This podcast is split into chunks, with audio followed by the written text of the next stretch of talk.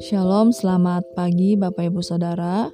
Puji nama Tuhan, kita mengucap syukur kepada Tuhan pada pagi hari ini di mana Tuhan telah menolong dan memberkati kita sehingga pada pagi hari ini kita kembali menikmati kesehatan dan juga menikmati berkat Tuhan yang Tuhan sudah memberikan kepada kita dan mari kita mengucap syukur atas kebaikan Tuhan dan mari kita berdoa Bapak Ibu Saudara terima kasih Tuhan buat pagi hari ini kami mau mengucap syukur atas apa yang sudah Tuhan kerjakan dalam kehidupan kami.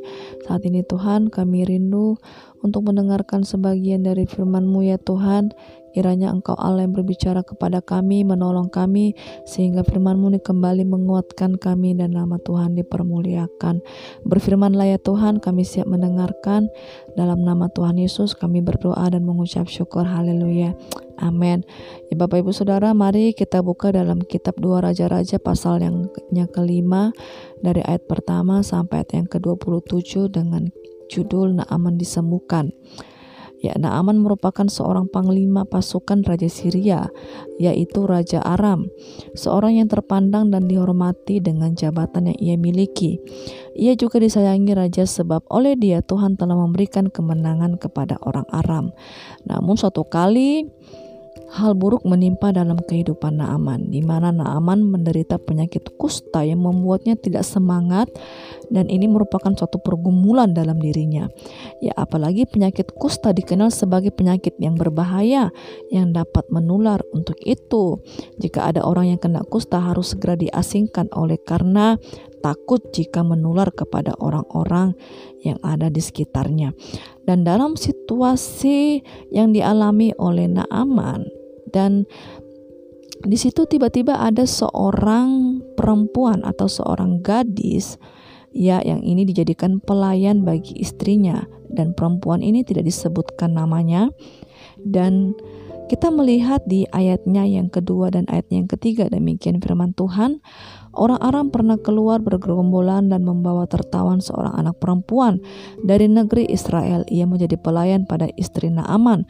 Berkatalah gadis itu kepada nyonyanya, sekiranya tuanku menghadap nabi yang ada di Samaria itu, maka tentulah nabi itu akan menyembuhkan dia dari penyakitnya. Jadi, uh, seorang gadis ini menyampaikan pesan bahwa uh, Naaman harus segera dibawa kepada nabi yaitu Nabi Elisa bahwa Tuhan akan memakainya untuk menyembuhkan Naaman jika Naaman mau dan merindukan untuk mujizat dalam dirinya. Dan hal inilah yang membuat Naaman semangat ya. Akhirnya dia memutuskan untuk ingin berjumpa dengan Nabi Elisa dengan satu tujuan ya bahwa dia ingin sembuh dan dia pun pergi untuk uh, melihat dan ingin bertemu dengan kepada Nabi Elisa. Namun sesampai di rumah Nabi Elisa, Naaman merasakan kekecewaan dalam hatinya, yaitu ia tidak langsung disambut oleh Elisa. Ya, dia tidak bisa berjumpa dan dia merindukan bahwa Nabi Elisa ini langsung menumpangkan tangan atas penyakitnya sehingga dia langsung melihat kesembuhan. Namun Elisa menyuruh penyuruh-penyuruhnya untuk menitipkan pesan bahwa ia harus mandi di Sungai Yordan sebanyak tujuh kali dan kita melihat di ayatnya yang ke-10 Bapak Ibu Saudara demikian firman Tuhan Elisa menyuruh seorang suruhan kepadanya mengatakan, "Pergilah mandi tujuh kali dalam sungai Yordan, maka tubuhmu akan pulih kembali sehingga engkau menjadi tahir."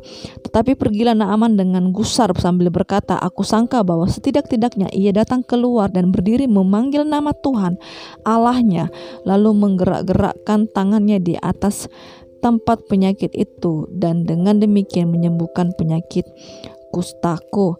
Hal ini tentu membuat Naaman ya merasa dia seperti terhina oleh karena dia diperlakukan seperti itu menimbulkan kekecewaan dalam dirinya. Nah, Bapak Ibu Saudara, mari kita melihat kisah Naaman. Ada dua hal yang seharusnya ia selesaikan pada saat itu juga, yaitu mengenai masalah tubuhnya yang sedang tubuh jasmaninya yang sedang sakit ya sakit kusta Dan yang kedua adalah kesombongan pada dirinya yang juga perlu disembuhkan. Dua hal inilah yang Naaman perlu uh, dijama, perlu disadarkan melalui kuasa Tuhan.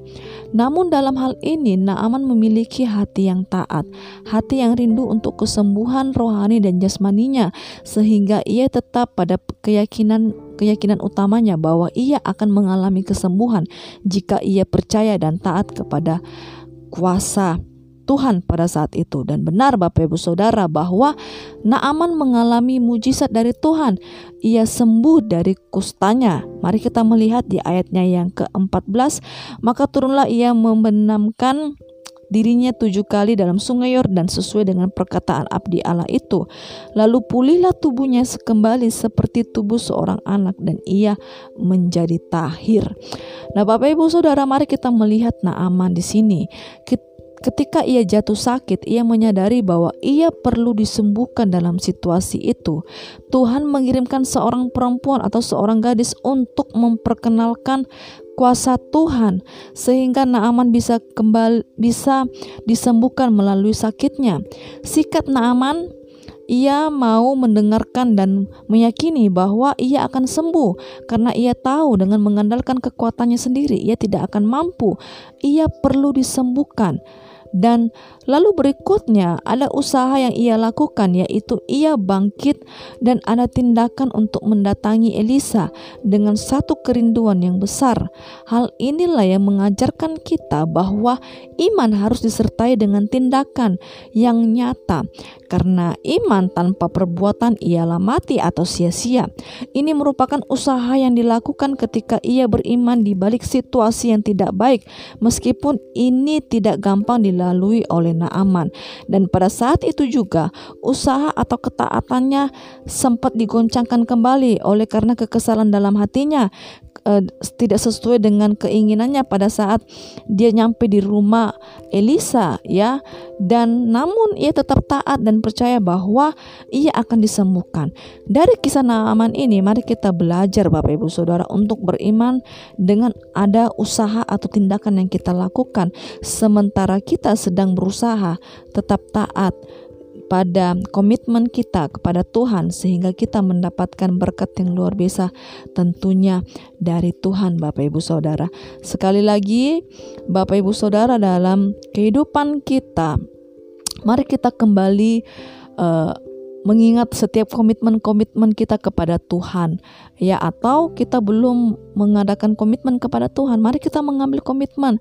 Kita mengimani dalam situasi apa pun kita terus mengandalkan Tuhan.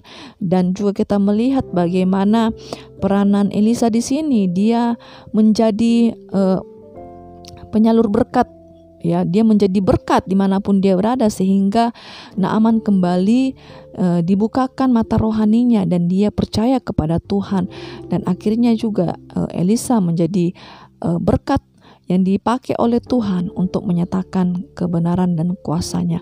Mari Bapak Ibu, di mana pun situasi apa pun yang kita hadapi, mari kita beriman dan kita terus percaya kepada Tuhan dalam kekesalan, dalam kekecewaan, atau dalam tantangan kehidupan. Terus kita berjuang karena kita tahu bahwa di balik semua itu, ketaatan yang kita lakukan, komitmen yang kita lakukan, Tuhan pasti memberikan yang terbaik kepada kita.